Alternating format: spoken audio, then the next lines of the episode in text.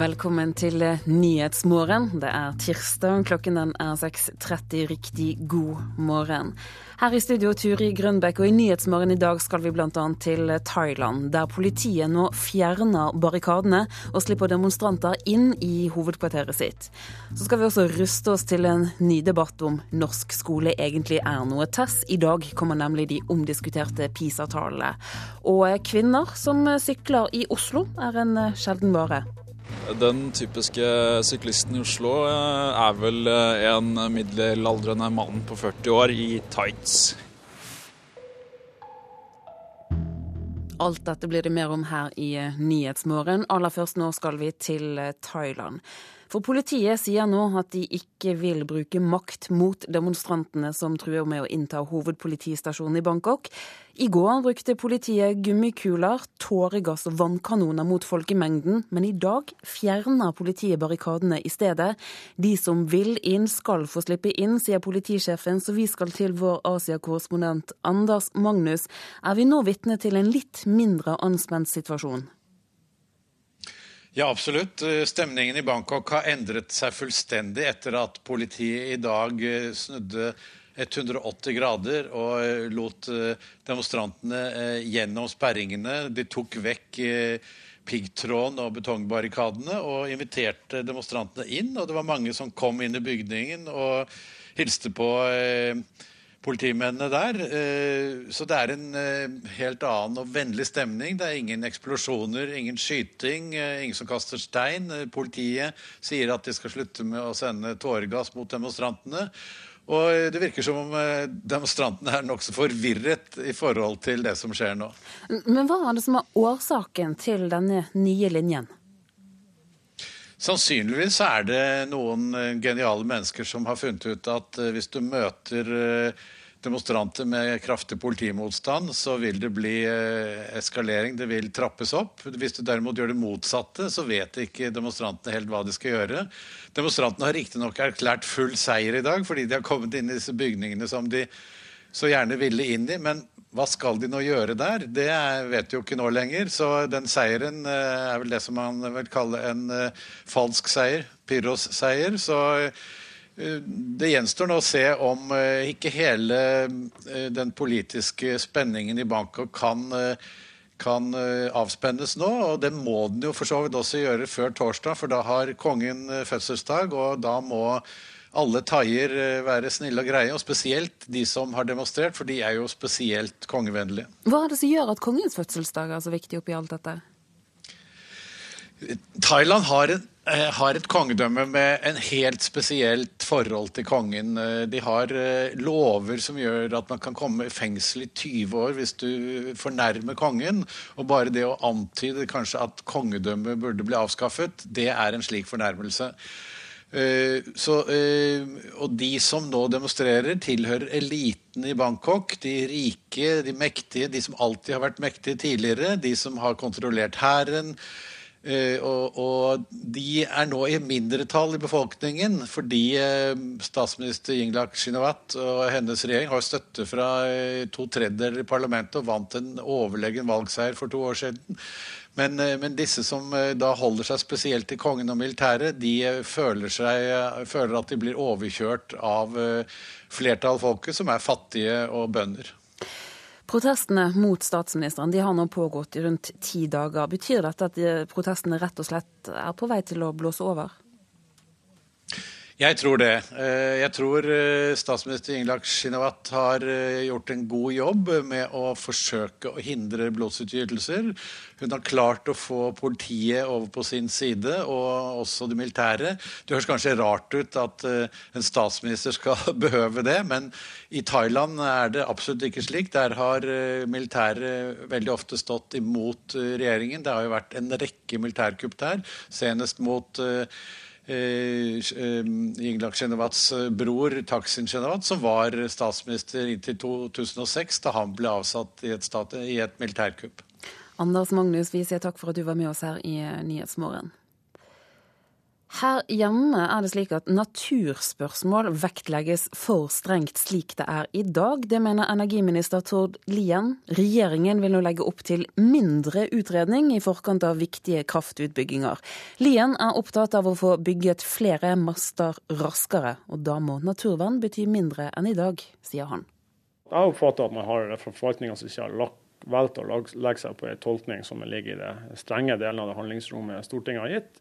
Den viktigste begrensninga i naturmangfoldloven er at eh, praktiseringa av den har gjort at man har kommet med svært omfattende utredninger på, på ting som man kanskje bør se på om man virkelig trenger å utrede. Arbeiderpartiet ber samferdselsminister Ketil Solvik-Olsen svare på om flyselskapet Norwegian har lov til å bruke irsk-registrerte fly og asiatisk kabinansatte. I sommer fikk Norwegian dispensasjon til å bruke irsk-registrerte fly på norsk flylisens frem til 23.12. Siden juli har det ligget en klage på dette vedtaket til behandling hos Samferdselsdepartementet. Og denne er ikke ferdig behandlet, og Arbeiderpartiet vil nå vite hvorfor, skriver Dagens Næringsliv. Nye kontrakter stiller strengere krav til brøyting av riks- og fylkesveier med stor trafikk. De første 20% av brøytekontraktene fornyes i år, og i løpet av fem år blir strengere krav gradvis innført over hele landet. Det sier fungerende avdelingsdirektør Randi Harnes i Vegdirektoratet. Tidligere så hadde vi et krav om at det skulle være eh, oppnådd en viss mengde snø før vi begynte å brøyte. Mens eh, nå har vi bestemt at det skal brøytes kontinuerlig der det er høy trafikk.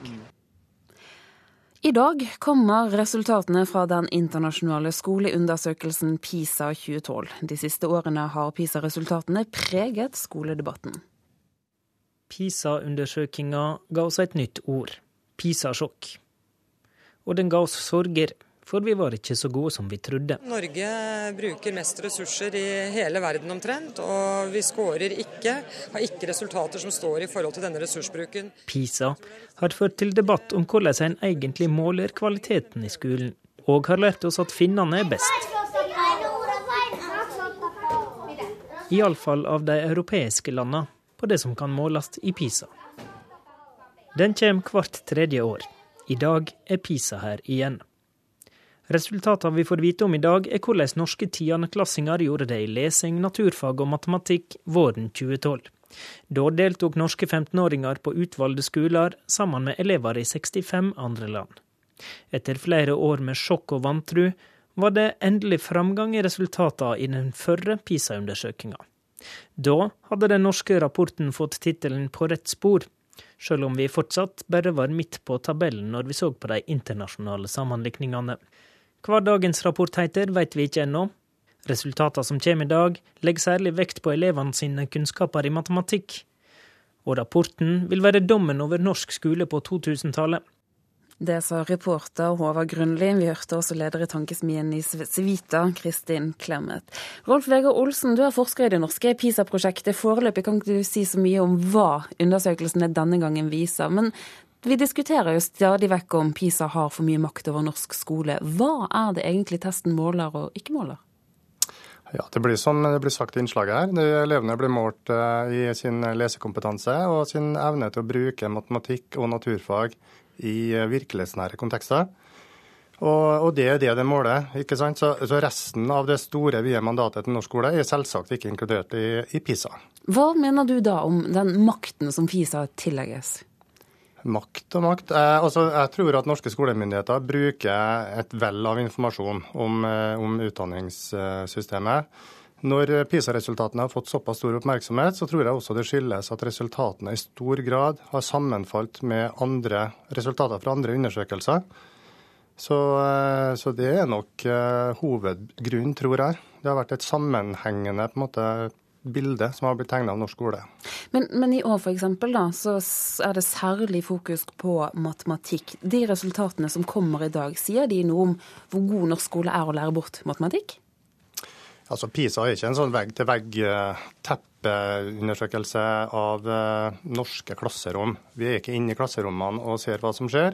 Så vi har stilt en del spørsmål til elever og til skoleledere, ikke til lærere.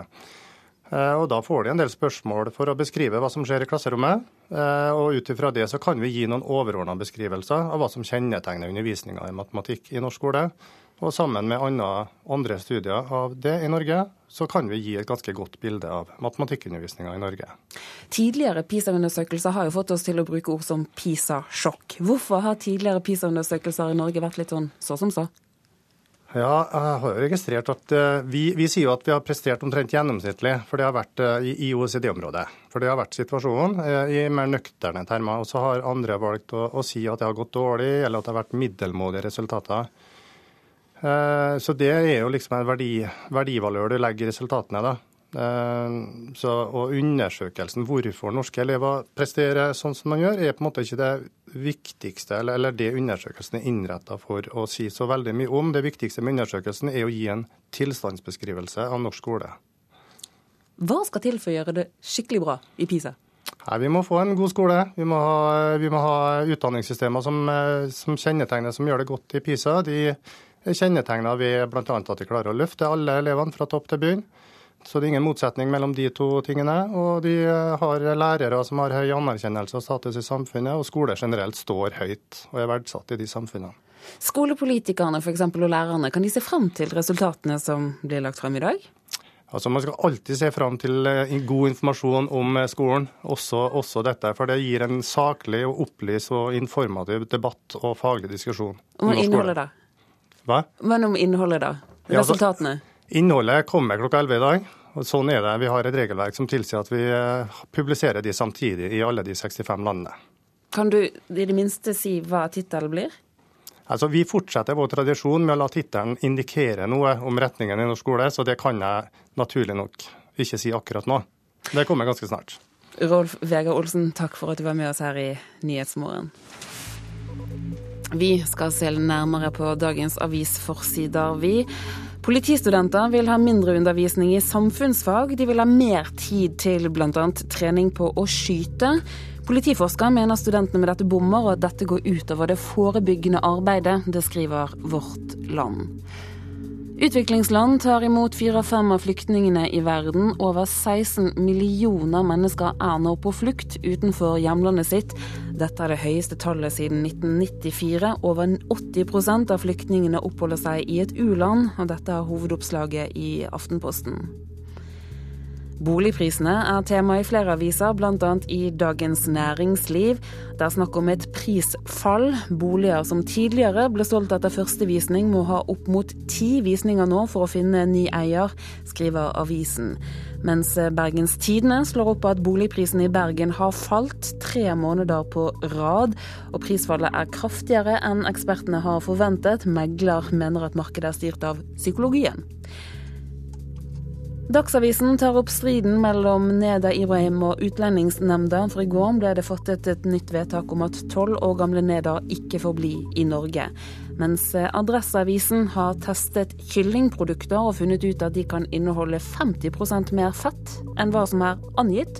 Og Mattilsynet mener merkingen er villedende for forbrukerne. Helseministeren har øremerket 45 millioner kroner til kjøp av MR-undersøkelser fra private. Dette får Senterpartiet og SV til å rase, ifølge Klassekampen. Aftenbladet er opptatt av jernbane, og har regnet på hva det vil koste å bygge dobbeltspor fra Sandnes til Egersund, og kommet frem til 5,5 milliarder kroner. Dagbladet skriver i dag bl.a. om hvordan en kan bremse risikoen for å få demens, mens VG topper med årets beste bilnyheter. I dag blir etter all sannsynlighet Rikard Norling presentert som ny Brann-trener. 42-åringen landet i Bergen i går. Nå håper Branns daglige leder, Roald Brun-Hansen, at svensken blir boende i vestlandsbyen i flere år vi klarer å komme til enighet, eh, så blir han her mange år, håper vi. Det sier Roald Brun-Hansen om den unge svenske treneren, som etter alt å dømme blir Rune Skarsfjords etterfølger i Brann. Han er jo i Bergen, så det betyr jo at vi er kommet et godt stykke på vei. Pressen for deres egne supporter! Det var mange som var misfornøyde da Rikard Norling fikk sparken i AIK i 2008. Deretter gikk turen til Asyriska frem til 2011 før han ledet Malmö til seriegull denne høsten. Malmö FF er svenske mestere i fotball! Jeg vet ikke om forventninger og så kan noensinne bli for høye. Det er nok en forutsetning for at jeg skal trives og må bra og få ut maks av meg selv, at det finnes en sterk pasjon det sier Norling til NRK om det som trolig blir hans nye tilværelse i fotballgale Bergen. 42-åringen mener Brann er blant de mest utfordrende jobbene man kan få i Skandinavia. Brann er jo en stor aktør i, i Skandinavia, og det, det, er en stor klubb. Og det er jeg vel medveten om. Det er jo en grunnforutsetning nok det å være så stor at ikke bare den fotballkunnige vet hva Brann er, utan at det, det, det er som sagt en stor aktør. Reporter, det var Anders Mjåland. Klokken den er 6.45. Du lytter til Nyhetsmorgen. Dette er noen av hovedsakene i dag. Thailandsk politi sier de nå ikke vil bruke makt mot demonstrantene, har heller sluppet demonstrantene inn til sitt hovedkvarter. Energiminister Tord Lien vil bygge flere kraftmaster raskere. Da må naturvern bety mindre enn i dag, sier han. Og bli med oss videre i sendingen. Det blir straks mer om orgasme i operaform, regissert av en skandaleregissør. Dessuten skal vi på piratjakt i butikkhyllene. Tollvesenet har beslaglagt tusenvis av ulovlige kopier. Målet om et narkotikafritt samfunn hindrer at rusmisbrukere får den hjelpen de faktisk trenger. Det mener Erlend Horn fra Venstre.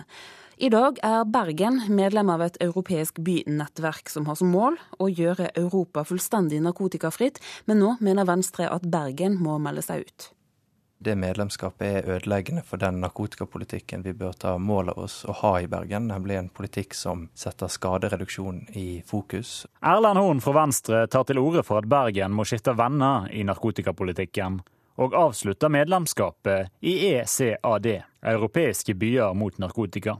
Organisasjonen med svenske, norske og mange østeuropeiske medlemmer kjemper for nulltoleranse og har en visjon om narkotikafrie samfunn. Problemet er at det målet står i veien for tiltakene. I stedet vil Horn at Bergen skal slutte seg til Frankfurt-resolusjonen. Der har byer som Amsterdam, Zürich og Frankfurt gått inn for en politikk som i mindre grad kriminaliserer bruk, og i større grad prøver å redusere plagene til rusavhengige. Instituttleder ved Universitetet i Stavanger, Svanhaug Fjær, mener de to nettverkene representerer de to viktigste motpolene på narkotikafeltet. Den konflikten kommer først og fremst til syne når det gjelder skadereduserende tiltak. De som fortsatt ønsker å opprettholde målsettinga om det narkotikafrie samfunnet, er mye mer skeptisk. Spesielt det med sprøyterom, bruk stoffer på en mindre skadelig og risikofylt måte. Marita Moltu og KrF finner seg ikke i at Bergen skal skifte lag i narkotikapolitikken og vil kjempe videre under visjonen om en narkotikafri by. Frankfurt-resolusjonen går jo ut på å legalisere og avkriminalisere. Men har det fremdeles en visjon om et samfunn uten narkotika? Jeg mener vi må ha høye ambisjoner i, i narkotikapolitikken. At det skal være narkotikafritt samfunn, det er ikke feil, mener jeg. Det er rett og slett å stikke fingeren i jorden. Da handler det om å sørge for at flest mulig av de kan få tilbud om å komme seg ut av det. Men de som ikke klarer det, de må vi ikke gjøre livet vanskeligere for. Og i dag er sju norske byer medlemmer av Europeiske byer mot narkotika. Reporter her var Sølve Rydland. Tollvesenet har beslaglagt over 38 000 ulovlige kopier av merkeklær, vesker og andre varer så langt i år. Norsk forening mot piratkopiering etterlyser en større innsats fra myndighetenes side nå før jul, og samtidig går en piratdetektiv på jakt i Oslos butikkhyller om jeg kan hjelpe dem? Ja, ja, ja jeg skal se bare jeg nå. Det er så mye bra merker her. Vi er på piratjakt med privatetterforsker Jon Christian Grøttum. Han har jakta på falske piratkopierte varer i over ti år. En butikk uten firmanavn som har dukka opp i Oslo, har vekka mistanke hos Grøttum. De selger billig, men dette er jo ikke noe billigmerke, det òg. Grøttum, som tidligere jobba i Kripos, sjekker klesprodukter og spør om leverandører. Men noe av det viktigste er kanskje denne såkalte taggen, hvor du finner en del opplysninger Og her har du også en barcode da, som sier noe om hvor produktet er lagd. Ja da. Dette så jo greit ut. Altså det selges jo piratkopier stort sett på internett i dag. Og piratkopierte varer som bestilles på nett, må fort innom her. Tollbygget på Gardermoen. Så langt i år har tollvesenet beslaglagt mer enn 38 000 uekte varer. Men om du har bestilt piratkopierte julepresanger, slipper de mest sannsynlig gjennom. Her ser du det er eh, et par eggs til. Det er ett par. Her skal vi se hva det er for noe. Også Piratkopierte vintersko av merket Uggs, joggesko fra Nike og Mulberry-veske blir pakka opp av Miriam Bauer, første tollinspektør i tollvesenet. Dette er gjengangere hos tollvesenet. Sånn som eh, norske regelverk er nå, så vil jo de som er privatpersoner, vil jo få det utlevert når det ikke er mer enn at vi tror at eh, det skal selges videre. Eh, et par sko f.eks., det er jo ikke til videresalg. Vi etterlyser jo større initiativ og tiltak fra, fra myndighetene her. Eh, særlig er det påfallende at verken politi eller påtalemyndighet har noen ressurser til å bekjempe privatkopiering. Nå er det riktig at det er tillatt eh, for vanlige forbrukere å, å importere enkelte varer, så lenge det ikke er til næringsbruk. Eh, men vi mener vel at man i hvert fall bør drøfte om også det bør bli forbudt. Ja, det sa Kristoffer Verdal i Norsk forening mot piratkopiering. Reporteren var Kristin Forland. Denne uken har Hoffmanns eventyr premiere i Operaen, i en versjon av den spanske regissøren Calixto Bieito. Tidligere har regissøren skapt overskrifter med sine ekstreme tolkninger av klassiske stykker, og det er en spesiell versjon av Offenbach som fyller adventsprogrammet til Operaen i Oslo.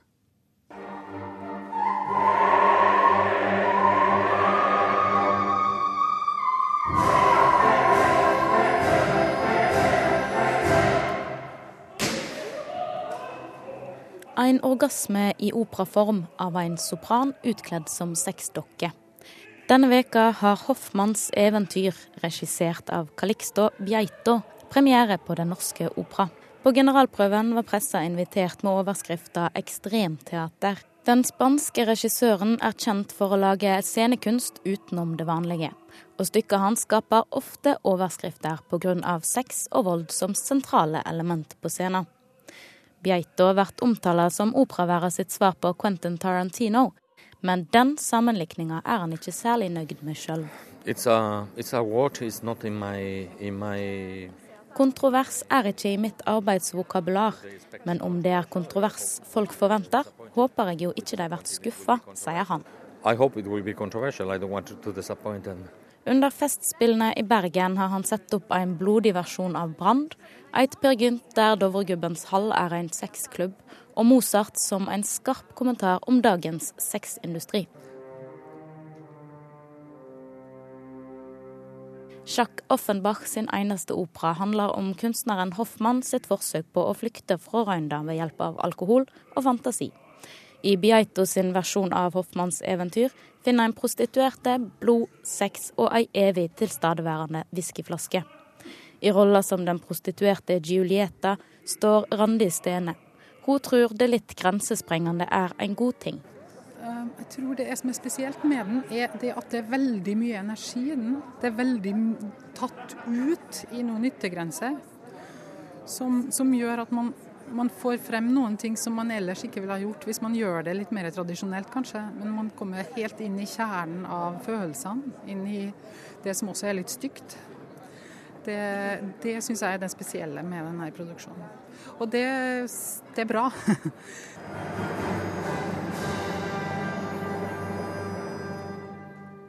Reporteren, det var Maria Pile Svåsand. Dersom du er kvinne og bruker sykkel i Oslo, så er du en sjelden blomst. I andre store sykkelbyer i Europa så er syklistene fordelt ganske så likt mellom menn og kvinner. Men i Oslo så er den typiske syklisten Pappa. Han er veldig typisk syklist. Eh, lærere eller ingeniører som skal på jobb, tenker jeg. Ja, Mellom 40 og 50 år. Og det er mann. Du er ganske klar på at det er mann? Ja, det er en mann. Ja, det er helt, helt, helt klart. Jens Stoltenberg, kanskje? Den typiske syklisten i Oslo eh, er vel eh, en middelaldrende mann på 40 år i tights. På vei til eh, arbeid, med kanskje litt dårlig tid. Og minus et par av beskrivelsene var det et ganske riktig svar. Sykkelprosjektet i Oslo kommune har undersøkt hvem den typiske syklisten i hovedstaden er. Sykkelgeneral Rune Jøs har fasit. Observasjonene våre viser at det er en mann pluss 35 eh, med godt trent og med en racersykkel eller terrengsykkel. Det er omtrent faren min for 20 år siden. Samme undersøkelse viser at bare én av tre som sykler i Oslo, er en kvinne. I andre store og små sykkelbyer i Europa er andelen rundt 50-50. Sannsynligvis skyldes det at folk opplever at det er utrygt å sykle, og kvinner kanskje opplever at det er mer utrygt enn menn. Det er litt rart, kanskje, at ikke jentene sykler. Men uh, blir vel pløyd ned av de andre, da. Jeg tror det har med antall sykkelveier og sykkelstier å gjøre. Nei, jeg ser ikke kvinnelige syklister så ofte. Vi tør kanskje ikke. Jeg, jeg sykler ikke i byen. I dag arrangerer Oslo kommune et åpent seminar med tittelen 'Slik skal Oslo bli en sykkelby'. Det er rett og slett at vi skal lytte, få innspill. Eh, vi trenger alle de innspill vi kan få så tidlig i planarbeidet. I dag sykler 5% av Oslos befolkning. Det er milevis unna København og Amsterdam, der godt over én av tre bruker sykkelen til trening og transport. Oslo har som mål å komme opp i 12% innen 2015. Da tror Jøs vi heller bør sammenligne oss med svenske byer som Gøteborg og Stockholm. Gøteborg har jo en sykkelandel som er nesten dobbelt så stor som Oslo. Det burde ikke være sånn.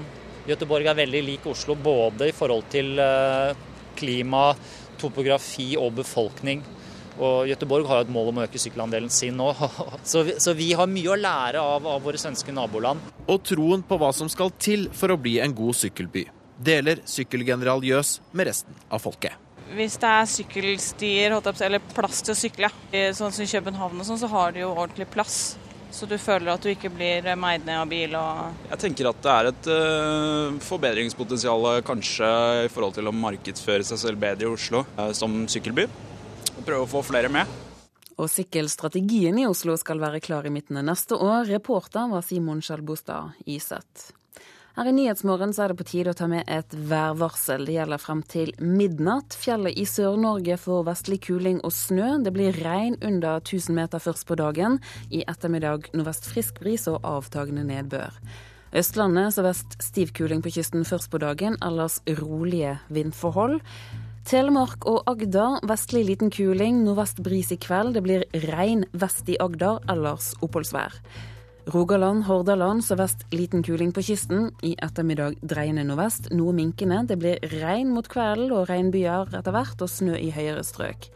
Sogn og Fjordane minking til nordvest frisk bris. Regn, senere regnbyger. Snøbyger i indre og høyere strøk. I kveld sørvest liten kuling, sterk kuling nær Stad. Møre og Romsdal og Trøndelag får minking til vestlig liten kuling. Det blir regn, senere regnbyger, snøbyger i indre og høyere strøk. Og I morgen kveld så vest stiv og til dels sterk kuling. Nordland periodevis en del vind fra vest. Lofoten og Vesterålen får mye vind, opp til liten storm. Det blir regn og fra i formiddag overgang til snøbyger. Troms og Finnmark. Her blir det kraftig vind fra vest. Det blir storm på kysten vest for Porsangerfjorden, opp i sterk storm i Vest-Finnmark. Sent i kveld dreiende nordlig, og det blir vindkast på omkring 35 meter i sekundet. Sent i kveld også innover landet, det blir snøbyger. Og et Spitsbergen, der blir det opp mot østlig liten kuling ved Sørkapp. Ellers rolige vindforhold og lettskyet oppholdsvær.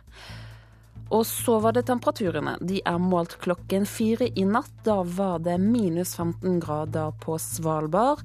Kirkenes minus 8 grader, Vardø minus 4, Alta minus 1. Plussgrader i Tromsø, da var det 2 grader. Fire plussgrader i Bodø. Brønnøysund 8 grader, Trondheim 9. Molde sju grader, Bergen åtte grader, det var det også i Stavanger. Kristiansand sju grader, Gardermoen to grader, Lillehammer tre grader, Røros også tre grader, og Oslo-Blindern der var det to grader klokken fire i natt.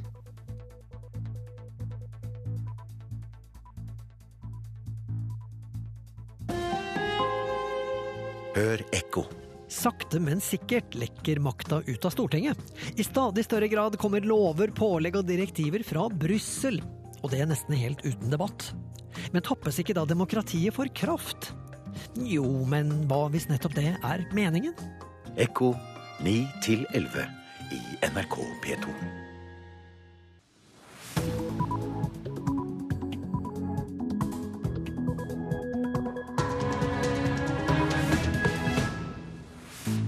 Dette er Nyhetsmorgen. Vi fortsetter i NRK P2 og Alltid nyheter med bl.a. disse sakene. Energiministeren vil bygge flere kraftmaster raskere. Da må naturvern bety mindre enn i dag, mener han. Og så lover Vegvesenet bedre brøyting. Aller først skal vi til Ukraina, for statsministeren sier at han ser på demonstrasjonene i landet som et kuppforsøk, men får ingen støtte fra USA. Det hvite hus ser på demonstrantenes krav om at regjeringen må gå, som lovlige og fredelige demonstrasjoner. Ukrainas statsminister Mykola Azarov mener demonstrantenes opprør mot presidenten og regjeringen har alle kjennetegn på et statskupp. I flere dager har sinte demonstranter, og til og med et tidligere regjeringsmedlem, krevd at regjeringen må gå. Men Barack Obama lot sin talsmann si vi ser absolutt ikke fredelige demonstrasjoner som noe kuppforsøk. Det hvite hus mener derimot at politiets vold mot demonstrantene i Kiev var uakseptabel. Etter at hundretusener har protestert i Kiev, mot at president Janukovitsj ikke har villet åpne for samarbeid med EU, men derimot heller vil knytte seg nærmere Russland økonomisk, er misnøyen stor i den proeuropeiske leiren. I dag skal opposisjonslederne forsøke å få igjennom et mistillitsforslag i parlamentet. Et av kravene er å få skrevet ut nyvalg.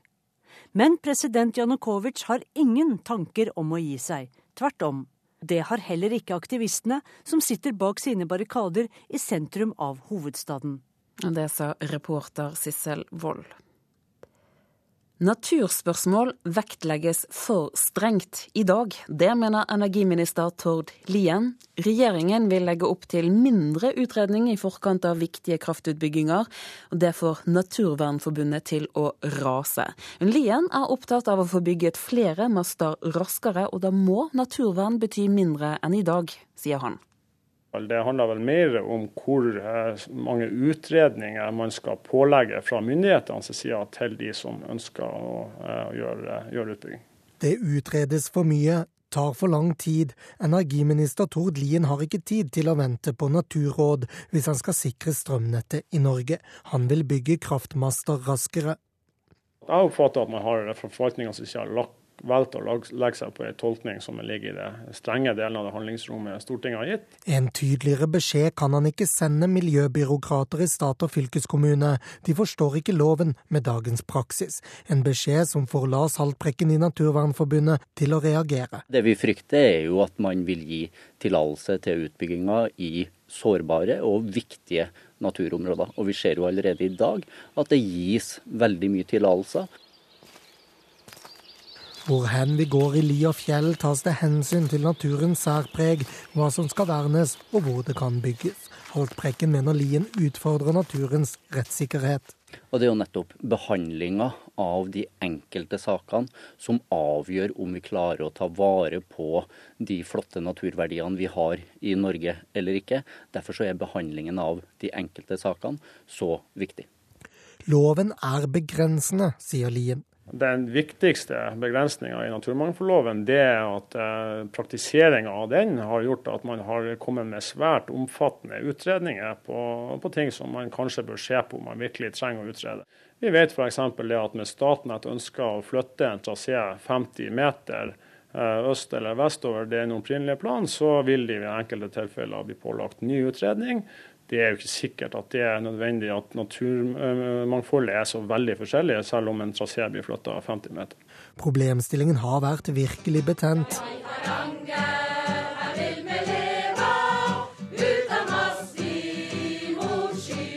Mastemotstanderne i Hardanger fikk for alvor satt paradokset på dagsorden. Klimavennlig ren kraft mot naturmangfold lokalt. Paradokset er mulig å løse uten å sette naturmangfoldet til side, mener Venstre-leder Trine Skei Grande. Det kan ikke være sånn at når vi har eh, løst alle klimaproblemene, så snur vi oss og så har vi ødelagt all norsk natur på veien. Med Venstres avtale med regjeringen i hånd skal hun viske ut Liens beskjed. Vi skal nok sørge for at vi henger på, på statsråden. Jeg tror ikke man skal se dette som to fiender, men man skal se det som at hvis man har mye kunnskap, så klarer man også å finne gode løsninger. Reporter her var Lars Nehru Sand. Siri Wold Olsen, du er politisk redaktør i Adresseavisen, og fra en del av Norge der det har vært mangel på kraft. Hva har et slikt forslag vi hører om her å si for dere? Eh, I, i Midt-Norge så har vi hatt en kraftkrise, men den er i ferd med å bli løst. Eh, for det første med den, eh, når vi får ferdig denne kraftlinja fra Sogndal over Ørskogfjellet. Og så har vi også uh, fått uh, ja, faktisk atomkraft da, fra Sverige uh, via en ny tilførselslinje som går gjennom Syrlandet. så i, i Midt-Norge nå så regnes vi ikke med som at vi har en akutt kraftkrise. Dette forslaget vi hører fra energiministeren, hva synes du om det? I første omgang så høres det litt eh, dramatisk ut, men når man får eh, tenkt seg om å sette seg inn litt i sakene, så ser man at det er et voldsomt byråkrati og en uh, veldig grundig da, saks, uh, saksbehandlingsregime som, uh, som, alle pro prosjekter av litt størrelse skal igjennom når det er snakk om ut, utbygging av, av faktisk da miljøvennlig kraft. Og med den regjeringa vi har nå, så ønsker de jo å å redusere byråkratiet. Så, det, det, så er det egentlig ikke så veldig uventa likevel. For det andre, hvis jeg kan få si det, så har også regjeringa eh, eh, De har det travelt. Eh, fordi at de skal oppfylle det her EUs fornybardirektiv, som sier at de to innen 2020 så skal 67,5% av krafta vi bruker komme fra energi, fornybare kilder. Så de har også et, de har det travelt. Det er bare sju år til, til 2020. Men hvor, hvor, realistisk er det for regjeringen å få til mindre byråkrati i kraftutbygging? Det burde jo være en del å gå på. fordi at når man vet at eksempel, hvis man skal bygge ut et eh, vindkraftverk, så, så, så når NVE, da, som er den som eh, som regel har eh, har tiltakene. Når de har bestemt seg for at de ønsker å gå for et prosjekt, så har det allerede tatt lang tid. Deretter så skal man gjennom et langt og omstendelig system med, som går i fem store trinn, med konsekvensutredninger og med øh, vedtak og søknader. og og så blir det gjerne noen runder med klager og naturligvis også høringer skal det være da i forkant av det her. Så det bør være noe å ta av, uten at det går på bekostning av eh, legitime naturinteresser. Ja, for vi hører jo at naturvernorganisasjonene protesterer. Tror du de vil vinne fram i saken? Eh, det høres ut i hvert fall som at eh, Venstre ikke ønsker å, å slippe alle krefter løs, skal å si her. Men jeg vet ikke, jeg tror kanskje at også naturvernerne må være innstilt på at man må gi noe for å oppnå eh, den miljøvennlige krafta som vi, vi, trenger. Og Uansett så blir det debatt om dette i Politisk kvarter på NRK P2 klokken 7.45. Takk for at du var med oss i Nyhetsmorgen, Siri Wahl Olsen. De mest trafikkerte veiene her i Norge skal brøytes bedre. Det er budskapet fra Vegvesenet. De har skjerpet kravene i nye brøytekontrakter som begynner å gjelde flere steder i landet nå i vinter. Og for brøytebilsjåfør Morten Karlsen så er det viktig å ha redskapen i orden. Det er en helt ny lastebil og ny plog. Straks det er snøfnugg i lufta, skal brøytebilene ut på fylkesveier og riksveier med stor trafikk, sier Randi Harnes, fungerende avdelingsdirektør i Vegdirektoratet. Tidligere så hadde vi et krav om at det skulle være eh, oppnådd en viss mengde snø før vi begynte å brøyte.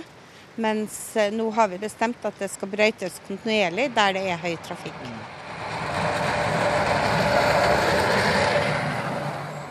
Brøyteplogen bråker litt ekstra der den skurer mot bar asfalt på Hønefoss, der Morten Karlsen tar en liten prøvetur. Fungerte plogen bra? Ja, helt i orden. Med strengere krav blir det nok mer barmarksbrøyting både for han og de andre sjåførene hos underentreprenøren Engebretsen på rv. 7 mellom Hønefoss og Noresund i Buskerud. Du ser jo at det har begynt å snø, da må du ut og kjøre, da.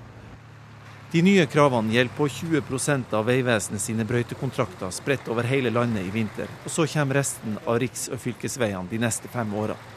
På trafikkerte veier skal du vanligvis kunne kjøre på bar asfalt også vinterstid, sier prosjektleder Bjørn Kristian Bråten hos hovedentreprenøren NCC. Under snø, snøvær så skal du ikke forvente at den er bar, men, men det skal ikke være så lang tid etter et snøvær at den er bar igjen. For Morten Engebretsen, som driver brøyting med tre lastebiler og en traktor, er snørike vintre blitt mindre økonomisk risikable. Nei, Før så var det jo én eh, fast sum per sesong. Snødde det mye, så var det jo dårlig fortjeneste. Og snødde det lite, så var det jo greit. Men nå eh, har vi en eh, fast beredskapssum, og så har vi for kjørte kilometer ved snøfall. Folk kommer til å merke bedring, sier Vegvesenets Randi Harnes. Trafikantene vil jo merke at plogen går litt oftere når det snør. Og de vil merke det fordi at vi får bedre trafikksikkerhet og økt framkommelighet. Hva med veier i uh, Utkant-Norge, da? Der er vel ikke kravene like strenge når trafikken er lavere. Men eh, vi har òg skjerpa, altså endra litt på, på standardkravene, sånn at det skal være lettere å kontrollere at uh, det arbeidet som vi ønsker, blir gjennomført. Reporter her var Kjartan Rørslett. Nils Sødal, du er kommunikasjonsrådgiver i Norges Automobilforbund, NAF. En ny brøyteordning, hva synes dere? Nei, Dette her er bra, det. Det er ikke noe annet å si om det. Eh, det at man skal brøyte med en gang snøen eh, begynner å dale, er kjempefint for trafikksikkerheten og framkommeligheten. Så det er eh, tipp topp, det. Er det noe dere har savnet? Nei, altså det, det, som har vært utfordringa en del i vintersesongen, er jo at som Riksrevisjonen har avdekket tidligere, det er jo at kontrollen har vært for dårlig med en del entreprenører. Men eh, det er klart, eh, på de tett trafikkerte veiene så er det viktig å være tidlig ute. For det er bare noen centimeter snø hindrer trafikantene. Ikke bare biler, men også kollektivtransport i form av busser. Og jeg har også skjønt at sykkelveiene skal bli bedre brøyta, så det er jo veldig bra. Si mer om det brøytingen vinterstid. Hvor viktig er det egentlig at den er god? Nei, Det er viktig rett og slett eh, for at eh, folk skal komme seg til og fra jobb og rundt omkring i hverdagen. Men så er det ikke minst den trafikksikkerhetsmessige biten. Nå har vi ikke noe tall på hvor mange ulykker som skyldes glatte veier. Altså det, det, er vanskelig å si som en sånn ene årsak. Men det er klart det har en del å si.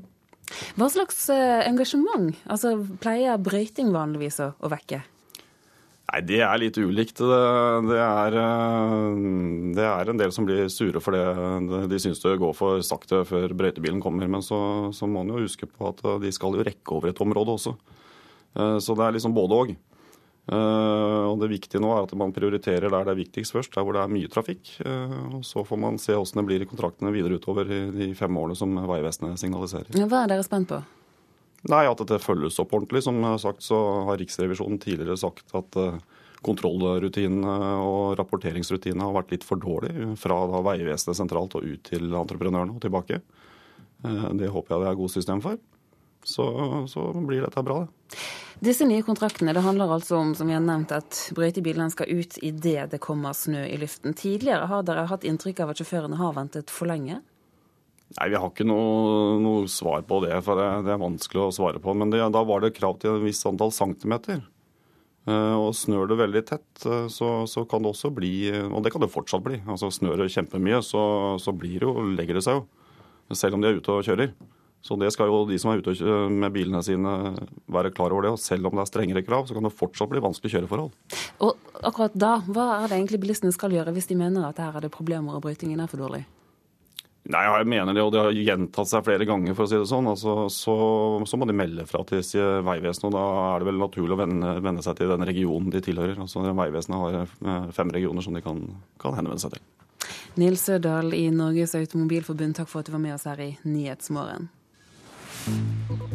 Klokken den har rukket å bli 7.17. Hovedsaker i dag. Det handler om eh, Energiministeren, som mener at naturspørsmål vektlegges for strengt slik det er i dag, Tord Lien vil gjerne bygge flere kraftmaster raskere. Vegvesenet, som vi hørte, lover nå bedre brøyting. Og bli med oss videre i sendingen, for vi skal nå til Gazastripen, der det er akutt drivstoffmangel. Og Pga. det sier Hamas at de nå vil avlyse sin årlige markering av bevegelsens grunnleggelse for 26 år siden. Det er pga. den prekære økonomiske og humanitære situasjonen i Gaza, der det er eh, akutt mangel på drivstoff. Noen steder flyter kloakken i gatene fordi renseanlegg har måttet stanse. Litt over ett år har gått siden sist krig. Det var feiring i gatene i Gaza etter at krigen i november i fjor mellom Hamas og Israel ble avsluttet. Hamas erklærte seier. Men siden har verden glemt den krigen. De over 100 drepte sivile. Og heller ikke mange bryr seg om de gjenlevende. Den israelske blokaden fortsetter å gjøre livet vanskelig for folk, og siden maktovertagelsen her i Egypt i sommer er over 1000 smuglertunneler ødelagt. Det er nå akutt drivstoffmangel i Gaza. We have been identifying some hundred critical uh, services and stations here uh, Gaza.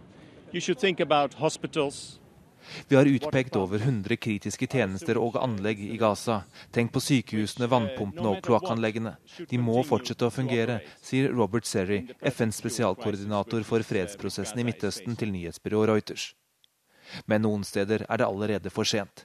Et kloakkanlegg som betjener 120 000 mennesker har måttet stanse, og rå kloakk flyter rundt i gatene. I tillegg er det lite strøm. Det er strømstans halve døgnet fordi det største kraftverket har måttet stanse pga. drivstoffmangel. Hamas regjerer Gaza og prøver å begrense de politiske skadevirkningene.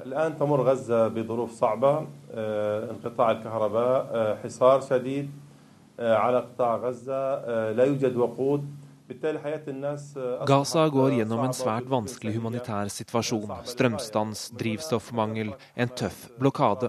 Så Hamas har tatt konsekvensen av dette og avlyst feiringen på 26-årsdagen for vår grunnleggelse.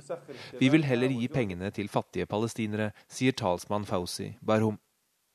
Det er første gang Hamas avlyser sin feiring siden de tok makten i Gaza i 2007. De vant valget året før, men endte i væpnet konflikt med Fatah, partiet til president Mahmoud Abbas.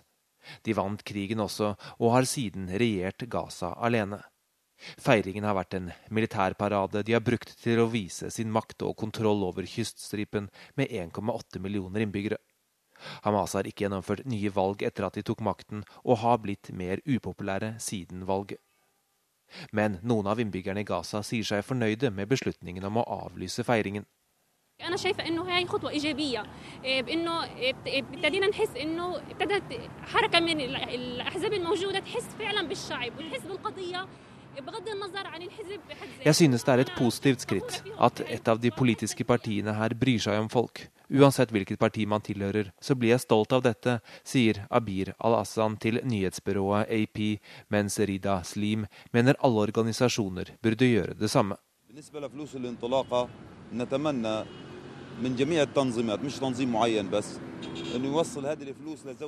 Hamas er mer isolert politisk enn på lenge her i Midtøsten. De har mistet både Syria og Egypt, og støtte fra Iran.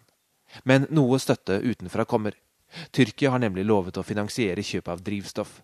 Smuglertunnelene brakte både inn billig drivstoff fra Egypt og inntekter til Hamas. I stedet må det nå kjøpes langt dyrere drivstoff i Israel. Tyrkia har lovet å bidra med 850 000 dollar, som vil gjøre at de mest akutte behovene er dekket opp for de neste fire månedene. Men dette løser bare en krise. For folk i Gaza er situasjonen like desperat og vanskelig, med få eller ingen utveier. Sigurd Falkenberg Mikkelsen, Kairo. USAs visepresident ber Japan og Kina besinne seg og dempe konflikten rundt en omstridt øygruppe i Sør-Kina-havet.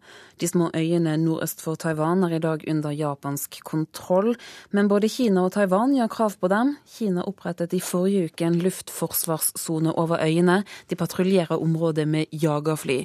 Og USA, som har en forsvarsallianse med Japan, ser med bekymring på utviklingen. I dag møter samferdselsminister Ketil Solvik-Olsen Sveriges infrastrukturminister. De to skal drøfte overvåking. Bakgrunnen er at Sverige i 2008 vedtok en overvåkingslov. Den gir Forsvarets radioanstalt full tilgang til innholdet i det meste av nordmenns kommunikasjon som passerer over grensen.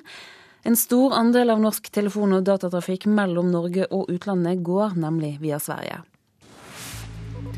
Så skal vi se nærmere på dagens aviser og hva de skriver på sine forsider. Politistudenter vil ha mindre undervisning i samfunnsfag og mer tid til bl.a. skytetrening. Dette mener politiforsker er full bom for, eh, for studentene sin del, det skriver Vårt Land. Utviklingsland tar imot fire av fem av flyktningene i verden. Over 16 millioner mennesker er nå på flukt utenfor hjemlandet sitt. Dette er det høyeste tallet siden 1994, og er hovedoppslaget i Aftenposten i dag. Flere aviser har boligprisene som tema, blant dem Dagens Næringsliv, som skriver om et prisfall. Boliger som tidligere ble solgt etter første visning, må ha opp mot ti visninger nå for å finne ny eier, skriver avisen. Mens Bergens Tidende slår opp at boligprisene i Bergen har falt tre måneder på rad. Prisfallet er kraftigere enn ekspertene har forventet. Dagsavisen tar opp striden mellom Neda Ibrahim og Utlendingsnemnda, for i går ble det fattet et nytt vedtak om at tolv år gamle Neda ikke får bli i Norge. Helseministeren har øremerket 45 millioner kroner til kjøp av MR-undersøkelser fra private. Dette får Senterpartiet og SV til å rase, det skriver Klassekampen.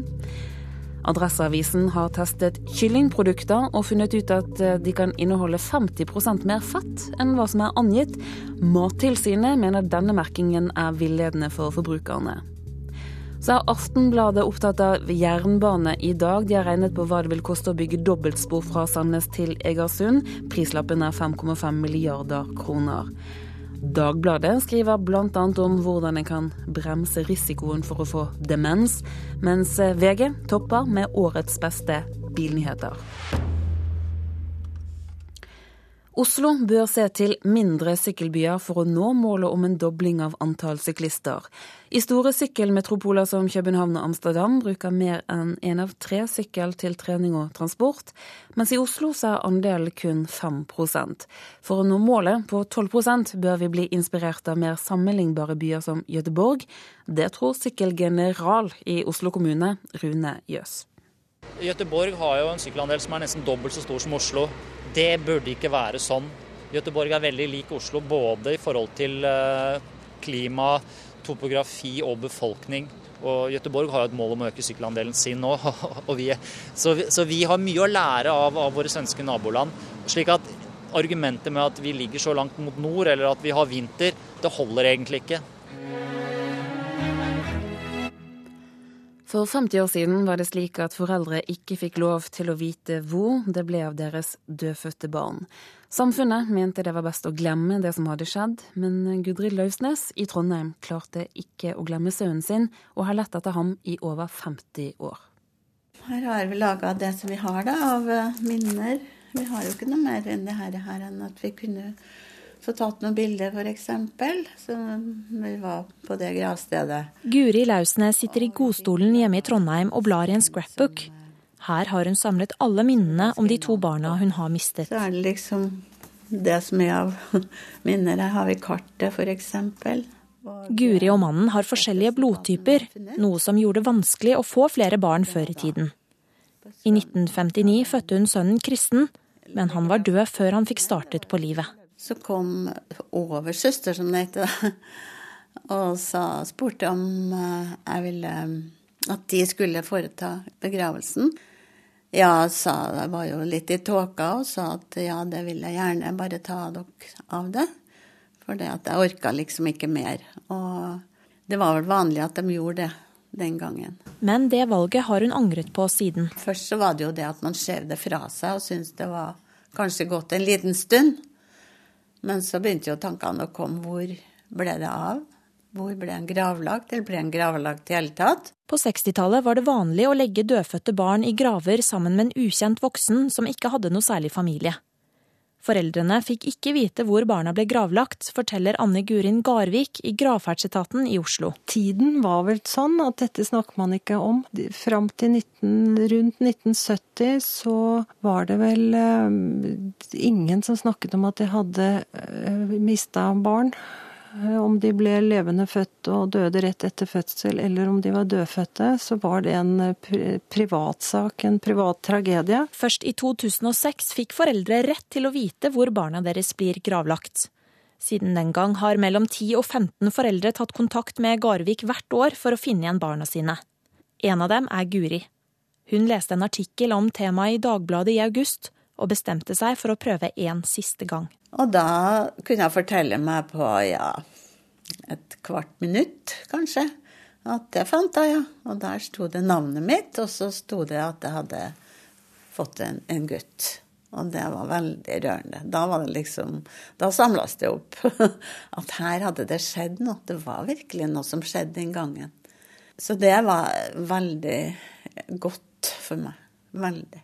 For de fleste er et gravsted veldig viktig for sorgarbeidet, forteller Line Schrader i foreningen Uventet barnedød. Det å ha et konkret sted man kan gå for å minnes barnet, det er kjempeviktig. Det er jo en anerkjennelse også for at barnet har faktisk har eksistert. Eh, et bevis, kan man si. I dag er det rundt 200 dødfødsler i Norge hvert år. Foreldre får være med å bestemme alt som skjer, og de fleste prøver å skape flest mulig minner på den lille tida man har sammen. Schrader syns det er ille å tenke på hvordan det var for 50 år siden. Det er jo nesten et overgrep mot de foreldrene. Man får jo ingen anerkjennelse for at man faktisk har en sorg og at man har mista et barn. Og da får man heller ikke en mulighet til å bearbeide den sorgen. Og den blir rett og slett mye mer vanskelig og komplisert. Tre år etter at hun fikk Kristen, fødte Guri datteren Heidi. Hun levde bare én dag, men de rakk å døpe henne på sykehuset. Det gjorde at det var mye lettere å finne graven hennes. Og nå viser det seg at Kristen har ligget like i nærheten av søsteren sin hele tiden. Vi har gått der forbi mange ganger og ikke visst om det. For Jeg hadde jo forestilt meg Oslo er stort, så det kunne være hvor som helst. Men der altså var han også gravlagt. Hvordan var det å få den beskjeden? Jo, det var veldig rart. Veldig rart. Til våren skal Kristen få navnet sitt på samme gravstøtte som søsteren. Guri og mannen hennes føler at de endelig har fått fred. Vi syns begge to at det var veldig godt å, å få satt et punktum, og at brikkene er i grunnen på plass. Og reporter her, det var Karoline Årestad. Du lytter til NRK P2 og Alltid nyhetsmorgen. Nei, og Alltid nyheter. Dette er Nyhetsmorgen. Her blir det straks Dagsnytt. Produsent for Nyhetsmorgen i dag, det er Kari Bekken Larsen. Her i studio, Turi Grønbekk.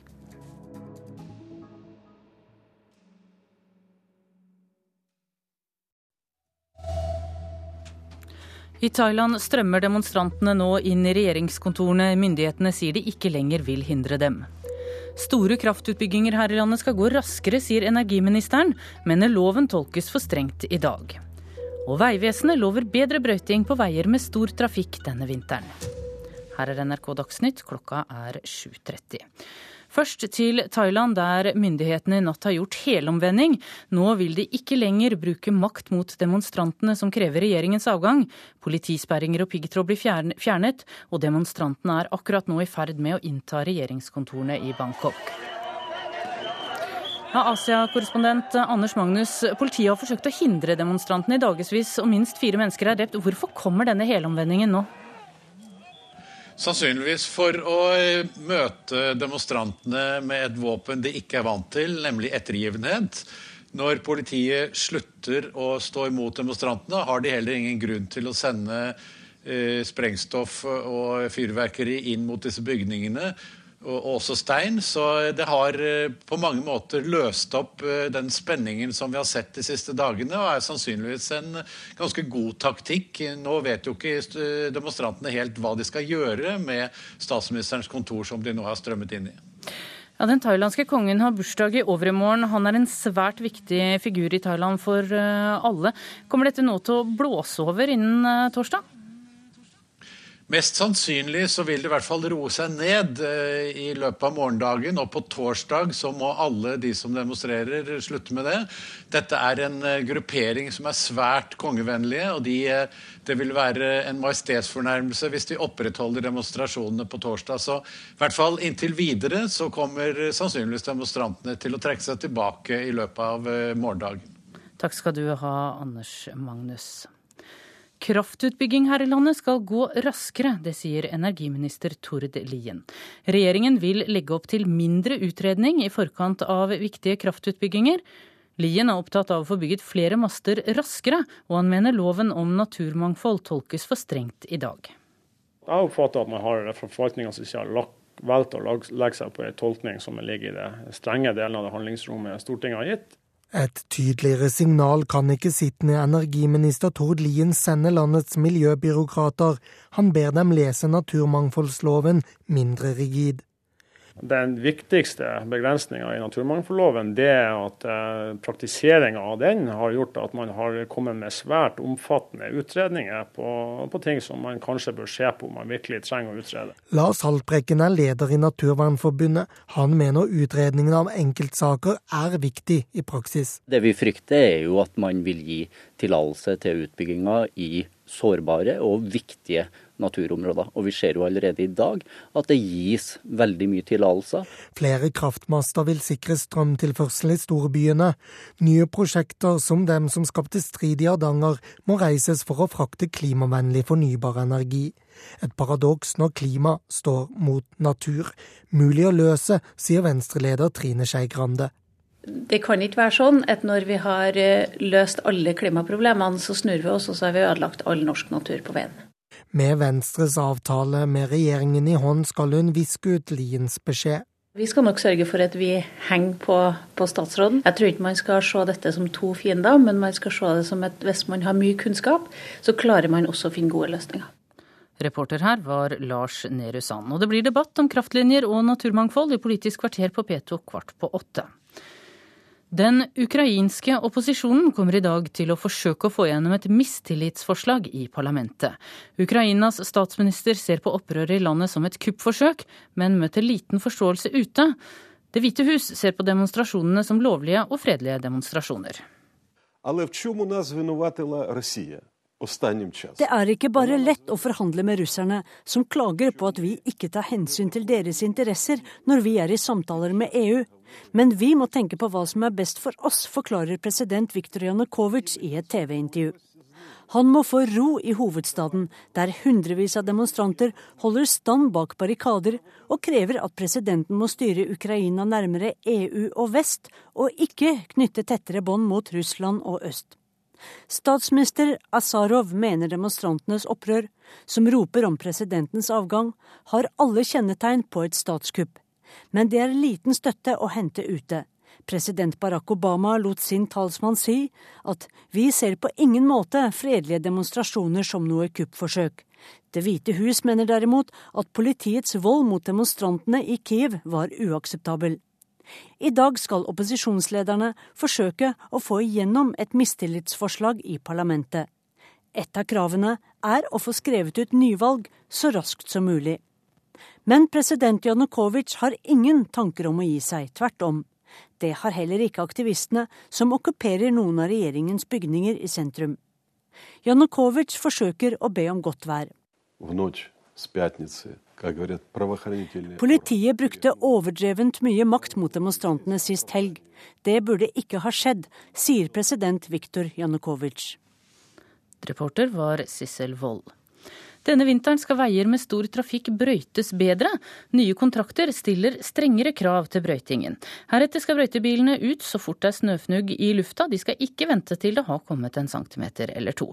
Det sier fungerende avdelingsdirektør Randi Harnes i Veidirektoratet. Tidligere så hadde vi et krav om eh, at det skulle starte å brøyte når det hadde kommet en viss mengde snø, mens vi nå da vil brøyte kontinuerlig når det snør. Det bråker litt av plogen, for på Ringerike er det fremdeles dårlig med snø når sjåfør Morten Karlsen skal prøve den nye brøytebilen. Med nye krav må nok han og kollegene i Engebretsen brøyte en del på bar asfalt på rv. 7 mellom Hønefoss og Noresund. Du ser jo at det har begynt å snø, da må du ut og kjøre, da. De nye kravene gjelder 20% av Vegvesenets brøytekontrakter i vinter. Så kommer de gradvis på resten av riks- og fylkesveiene de neste fem årene. Ifølge prosjektleder Bjørn Christian Bråten hos hovedentreprenøren NCC blir det dyrere også fordi de nå får betalt per kilometer de brøyter. Det blir vesentlig dyrere, men det blir nok òg vesentlig bedre. Trafikantene kommer til å merke bedring, sier Vegvesenets Randi Harnes. At plogen går litt oftere når det snør. Og de vil merke det fordi at vi får bedre trafikksikkerhet og økt framkommelighet. Reporter var Kjartan Røslett. I dag kommer resultatene fra den internasjonale skoleundersøkelsen PISA 2012. De siste årene har PISA-resultatene preget skoledebatten. Når PISA-resultatene har fått såpass stor oppmerksomhet, så tror jeg også det skyldes at resultatene i stor grad har sammenfalt med andre resultater fra andre undersøkelser. Det har vært et sammenhengende bilde som har blitt tegna av norsk skole. Sier forsker i det norske PISA-prosjektet Rolf Vegard Olsen. Han har vært med på arbeidet rundt undersøkelsene siden første gjennomføring i år 2000. PISA-undersøkelsene har ført til stor debatt rundt kvaliteten i den norske skolen. Olsen sier at hensikten med undersøkelsen ikke er å gi et fasitsvar på tilstanden i skolesystemet. Vi, vi, sier jo at vi har prestert omtrent gjennomsnittlig, for det har vært eh, i, i OECD-området. Det viktigste med undersøkelsen er å gi en tilstandsbeskrivelse av norsk skole. PISA-undersøkelsen gjennomføres hvert tredje år, og kartlegger 15-årige elevers kunnskaper i matematikk, naturfag og lesing. Helt siden første gjennomføring har Norge vært en middelhavsfarer. Rapporten fra 2009 viste fremgang og fikk tittelen På rett spor. Likevel havnet vi midt på kunnskapstreet. Rolf Vegard Olsen holder kortene tett til brystet om hva årets undersøkelser sier om norske skoleelever. Men han er klar på hva som kjennetegner gode PISA-land og gode skolesystemer. At de klarer å løfte alle elevene fra topp til bunn, og de har lærere som har høy anerkjennelse og status i samfunnet, og skoler generelt står høyt. Reporter var Joakim Nyquist. I dag blir etter all sannsynlighet Rikard Norling presentert som ny trener i fotballklubben Brann. 42-åringen landet i Bergen i går, og nå håper Branns daglige leder Roald Brun Hansen at svensken blir værende i flere år. Hvis Vi klarer å komme til enighet, eh, så blir han her mange år, håper vi. Det sier Roald Brun Hansen om den unge svenske treneren, som etter alt å dømme blir Rune Skarsfjords etterfølger i Brann. Han er jo i Bergen, så det betyr jo at vi er kommet et godt stykke på vei. Pressen for deres egne supportere! Avgå, Ole! Avgå, Ole! Det var mange som var misfornøyde da Rikard Norling fikk sparken i AIK i 2008. Deretter gikk turen til Assyriska frem til 2011, før han ledet Malmö til seriegull denne høsten. Malmö FF er svenske mester i fotball! 42-åringen mener Brann er blant de mest utfordrende jobbene man kan få i Skandinavia. Det er en stor klubb og det er jeg vel medveten om. Det er jo en grunnforutsetning nok det å være så stor at uh, ikke bare den fotballkunnige vet hva Brann er. Reporter her var Anders Mjåland. Ansvarlig for Dagsnytt denne morgenen er Eirik Ramberg. Teknisk ansvarlig Frode Thorshaug. I studio Tone Nordahl.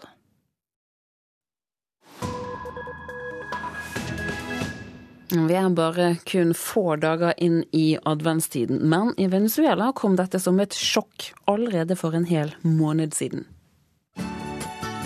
Quisimos decretar la llegada de la Navidad porque queremos la felicidad para todo el pueblo.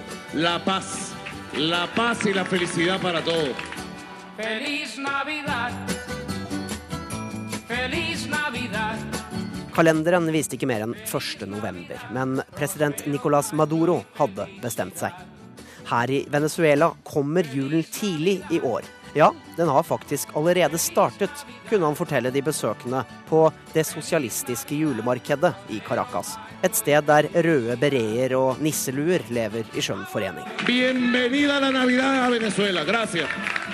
Å flytte verdens største religiøse høytid høres kanskje absurd ut.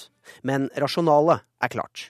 Venezuela befinner seg nemlig i en dyp, dyp krise. Inflasjonen i året er på over 50% den verste på hele kontinentet. Valutaen bolivar er en ren katastrofe. Statens offisielle vekslingsrate er ca. 6 mot 1 dollar. Men på gaten, derimot, der loven om tilbud og etterspørsel regulerer markedet, må du bla opp ti ganger så mye. Det gjør import av varer ekstremt dyrt, og derfor har Venezuela flere ganger de siste årene gått tom for blant annet toalettpapir. Så folket trenger en oppmuntring, tenkte Maduro.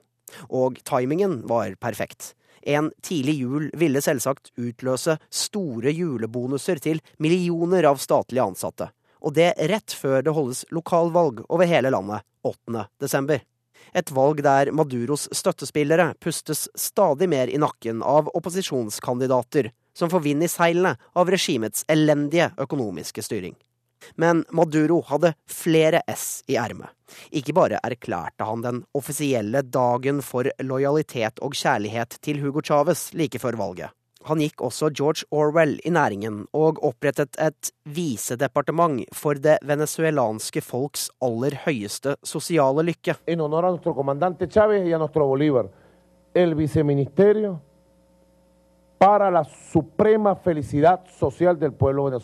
Dette skal styre statens enorme kobbel av velferdsprogrammer. Men det tar ikke slutt der. Presidenten vil nemlig den høye inflasjonen til livs. Og skylden for den legger han på et grådig privat næringsliv som han mener å kunne dokumentere tar seg betalt 1000% av varenes egentlige verdi. El promedio de sobrefacturación de robo llega a mil por ciento de los precios de los productos. Og, skal Maduro ha sagt til ministrene sine ifølge tidsskriftet The Economist, dersom jeg senker prisene med 1000% så må vel det hjelpe på inflasjonen? Tidlig jul, ja. George Orwells bok 1984 blir nok en gjenganger under venezuelanske juletrær i år. For hele landet lurer nå på hva som blir neste kapittel i historien om den bolivarianske revolusjonen. Feliz Navidad. Feliz Navidad.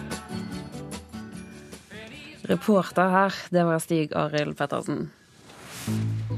Du lytter til Nyhetsmorgen i NRK P2 og Alltid nyheter. Hovedsaker denne morgenen.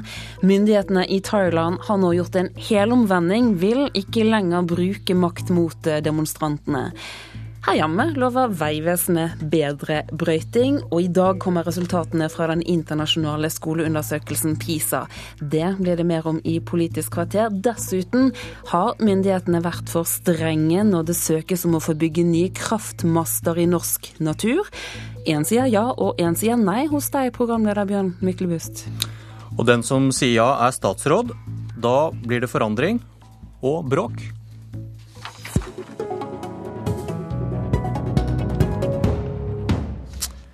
Velkommen olje- og energiminister Tord Lien. Kan du gi et godt eksempel på at det har gått galt når behovet for kraftbygging møter hensynet til naturen? Ja, altså Den uh, saka som har uh, skapt uh, mest støy og har tatt unødvendig lang tid, det er egentlig to. Det finner vi begge på, på Vestlandet. Det ene er Sima-Samnanger, og det andre er Eh, som skal forsyne Bergen, og det andre er jo Ørskog-Fardal, som i hovedsak skal forsyne eh, Midt-Norge. Det er saker som det handler ikke om at det har vært for strengt, det handler om at eh, prosessene har tatt for lang tid. Og vi har god leveringssikkerhet i det norske nettet. Samtidig så er mye nett fra 50- og 60-tallet.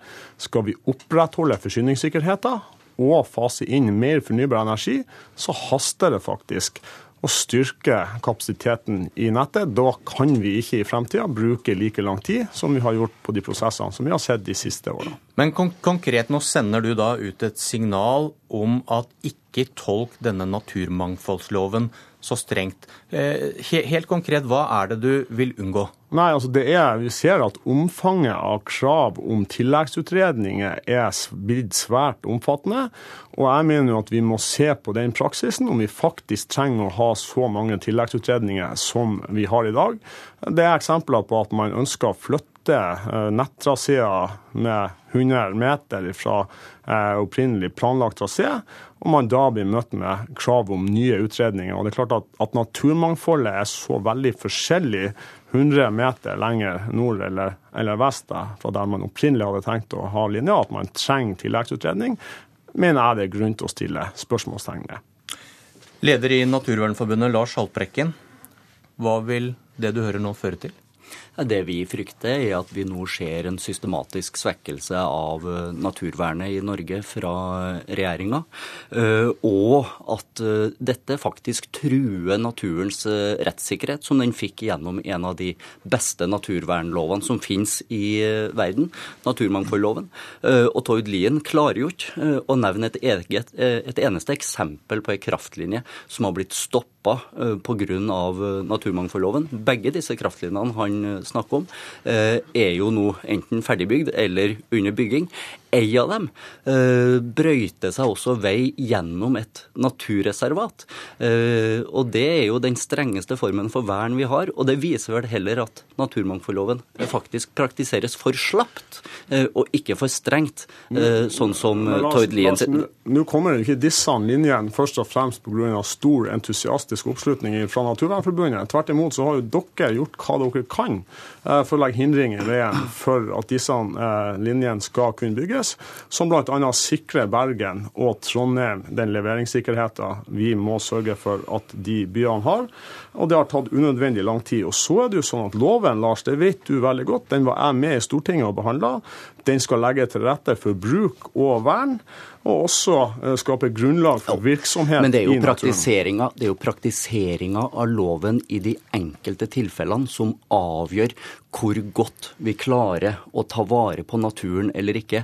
Og når man da tillater bygd ei kraftlinje gjennom et naturreservat, ja, så tar man rett og slett ikke godt nok vare på naturen. Det bør, du også, det bør du også Den er jo påbegynt inn i naturreservatet. Men, men Halperekken, som han sier at uh, et eksempel da, jeg vet ikke hva du tenkte på da, Lien, men hvis en trasé endrer seg 100 meter, så sier han, da har han eksempler på at, at man må ha en, kommer det krav om en ny utredning. Er det ja, eksempel gjerne, på en for streng tolkning? Da vil jeg gjerne se de eksemplene. Og så bør, ja, man, da, så bør man, da, så bør man da uh, legge uh, til rette for at man får grundigere prosesser i forkant, hvor man får bedre kartlegging av naturverdiene i forkant. Og det har jo ikke skjedd, verken i den Sima-Samnanger-saken eller i eh, saken på Nordvestlandet. Der hadde man ikke grundige, gode utredninger. Og det er jo det naturmangfoldloven skal sikre oss. Den skal sikre oss at vi vet hvilke naturverdier vi har, sånn at vi ikke bygger men, ned de umistelige naturverdiene som finnes i dette nei, landet. Jeg er helt, nå er jeg helt enig med Lars Haltbrekken. Den Sima-sammenhengen var ikke nødvendigvis veldig bra håndtert eh, fra myndighetenes side. Nå har vi nettopp fått eh, på, i ferd med å gjøre dette på en ny måte, initiert av, av den forrige regjeringa riktignok.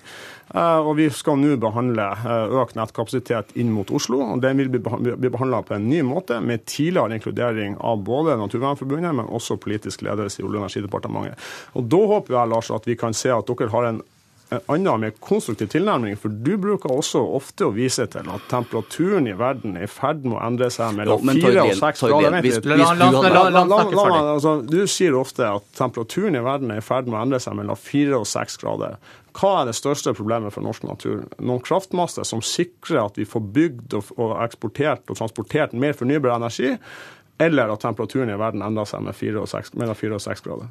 Tord Lien, hvis du hadde vært så bekymra for klimaendringene som du påstår at du er, så hadde du gjort noe med, den, noe med, det som er den store utslippskilden i Norge, nemlig oljeindustrien. Da hadde du begynt å redusere oljeutvinningstempoet i stedet for det du sier, ta, ta, med at vi skal kjøre på for dette. Ta poenget, fordi det er et paradoks vi ofte kommer tilbake til. Nei, at vi, vi, vi trenger kraftlinjer og luftbårne kraftlinjer for å, å, frakte fornybar kraft. Og da må vi sørge for at vi har den nødvendige kunnskapen, sånn at vi ikke ofrer umistelige vestlige naturverdier. Og det er jo det Tord Lien nå foreslår å svekke. Det skal bli mindre krav til vurdering av hvilke naturverdier som befinner seg her, sånn at vi kan unngå å legge kraftlinjene i de mest sårbare naturområdene. Og Når det gjelder kraftlinjeplanene eh, inn mot Oslo, eh, så er jo det faktisk en sak hvor man foreslår å fjerne eh, en del kraftlinjer, hvor man foreslår å tilbakeføre en del natur. Så det er jo en helt annen sak. Lien, Lien dette er vel snakk om mange små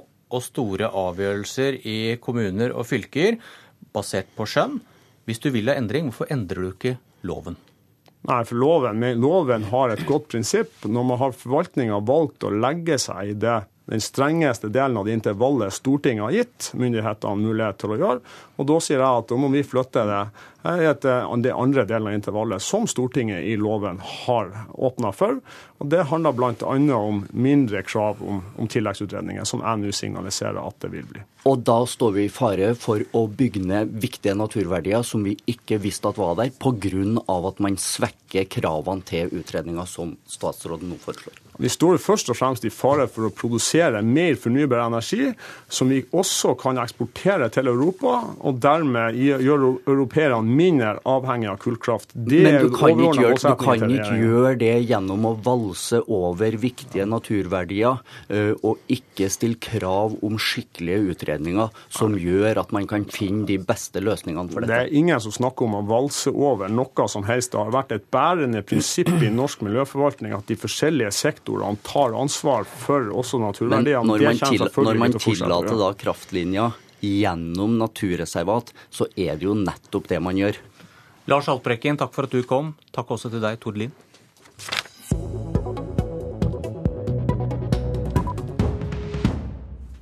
Og god morgen, kunnskapsminister Torbjørn Røe Isaksen. Hallo.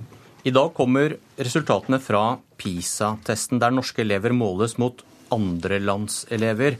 Og du håper kanskje på et elendig resultat som bevis på at rød-grønn skolepolitikk, den virket ikke? Nei, det gjør jeg ikke. For fordi skolen er så viktig. Eh, vi har jo som samfunn gitt ett løfte til det er vel rundt 60 000 seksåringer som starter på skolen hver eneste høst. Og vi har gitt dem ett løfte, og det er at etter at du går ut av skolen, så skal du få med deg den kunnskapen du trenger for å klare deg resten av livet. Enten du har lyst til å bli sykepleier eller aksjemegler eller bibliotekar. Det, det fins ikke noen viktigere institusjon i samfunnet vårt for å få eh, verdiskaping, for å få konkurransekraft, men også for å få sosial utjevning enn den norske skolen. Så jeg Men, håper på et godt resultat, selvfølgelig. Hvis, eh, ja, hvis vi scorer bedre, da, er det da en klapp på skuldra til den rød-grønne regjeringen at skolepolitikken deres var ikke så ille likevel? Vi, vi, fikk jo et løft forrige gang. Eh, så forrige gang så var jo den gode nyheten det var at nedgangen i norsk skole, som, som jeg mener ganske udiskutabelt skyldtes en dårlig og ufokusert skolepolitikk på 90-tallet. Bl.a. hvor vi hadde en situasjon hvor med Reform 97, en av de store skolereformene som Arbeiderpartiet sto i spissen for, så fikk man masse unge elever inn i skolen som ikke begynte å lære å lese og skrive før i andre, tredje klasse, den type ting, så klarte man å stoppe nedgangen. Jeg mener jo at det at man hadde et tydelig og godt kunnskapsløft som Høyre sto i spissen for da vi satt i regjering, var viktig for det. Eh, og så blir det spennende å se hva som skjer nå. I år så er det jo realfag, eh, matematikk konkret, som eh, PISA har undersøkt. Så blir det viktigste for regjeringa det blir å ta de resultatene og se hvordan kan vi videreutvikle skolen og gjøre det enda bedre neste gang. Du vet kanskje resultatet allerede?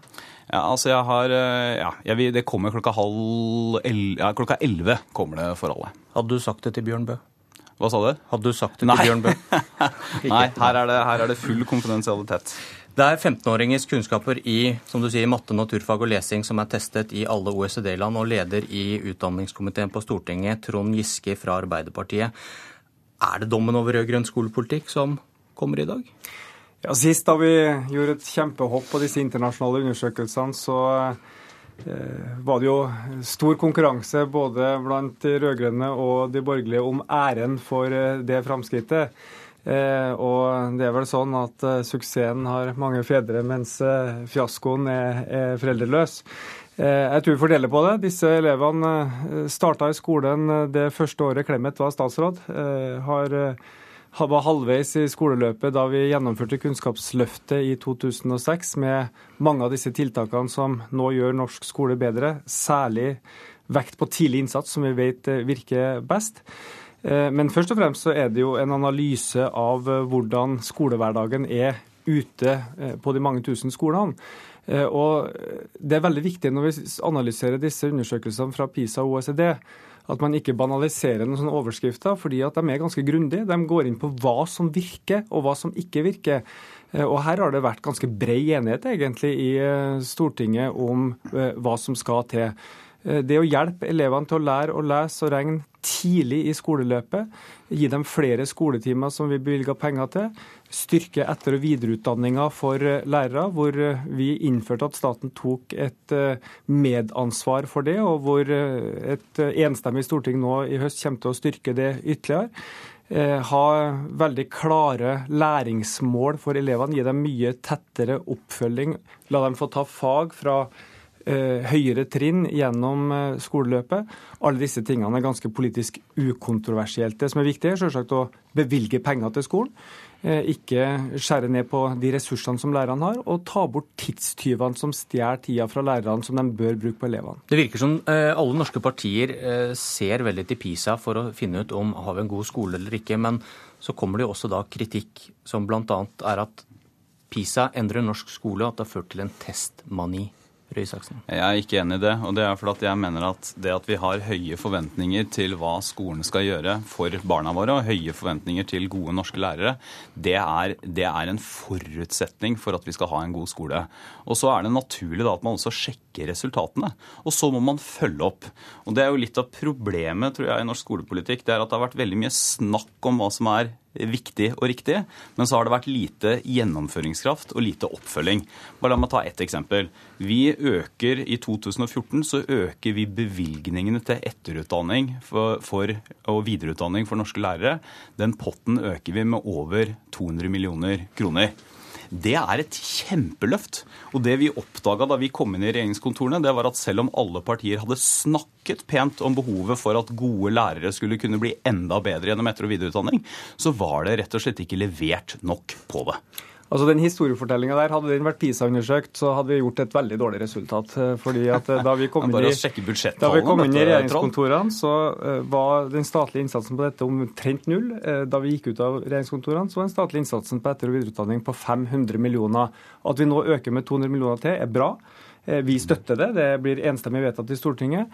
Det som skiller oss, er at vi tar ikke de pengene fra å kutte i kulturskoletimen, kutte i andre innsatsområder på skolen. Vi styrker den totale innsatsen. Og det bare si det.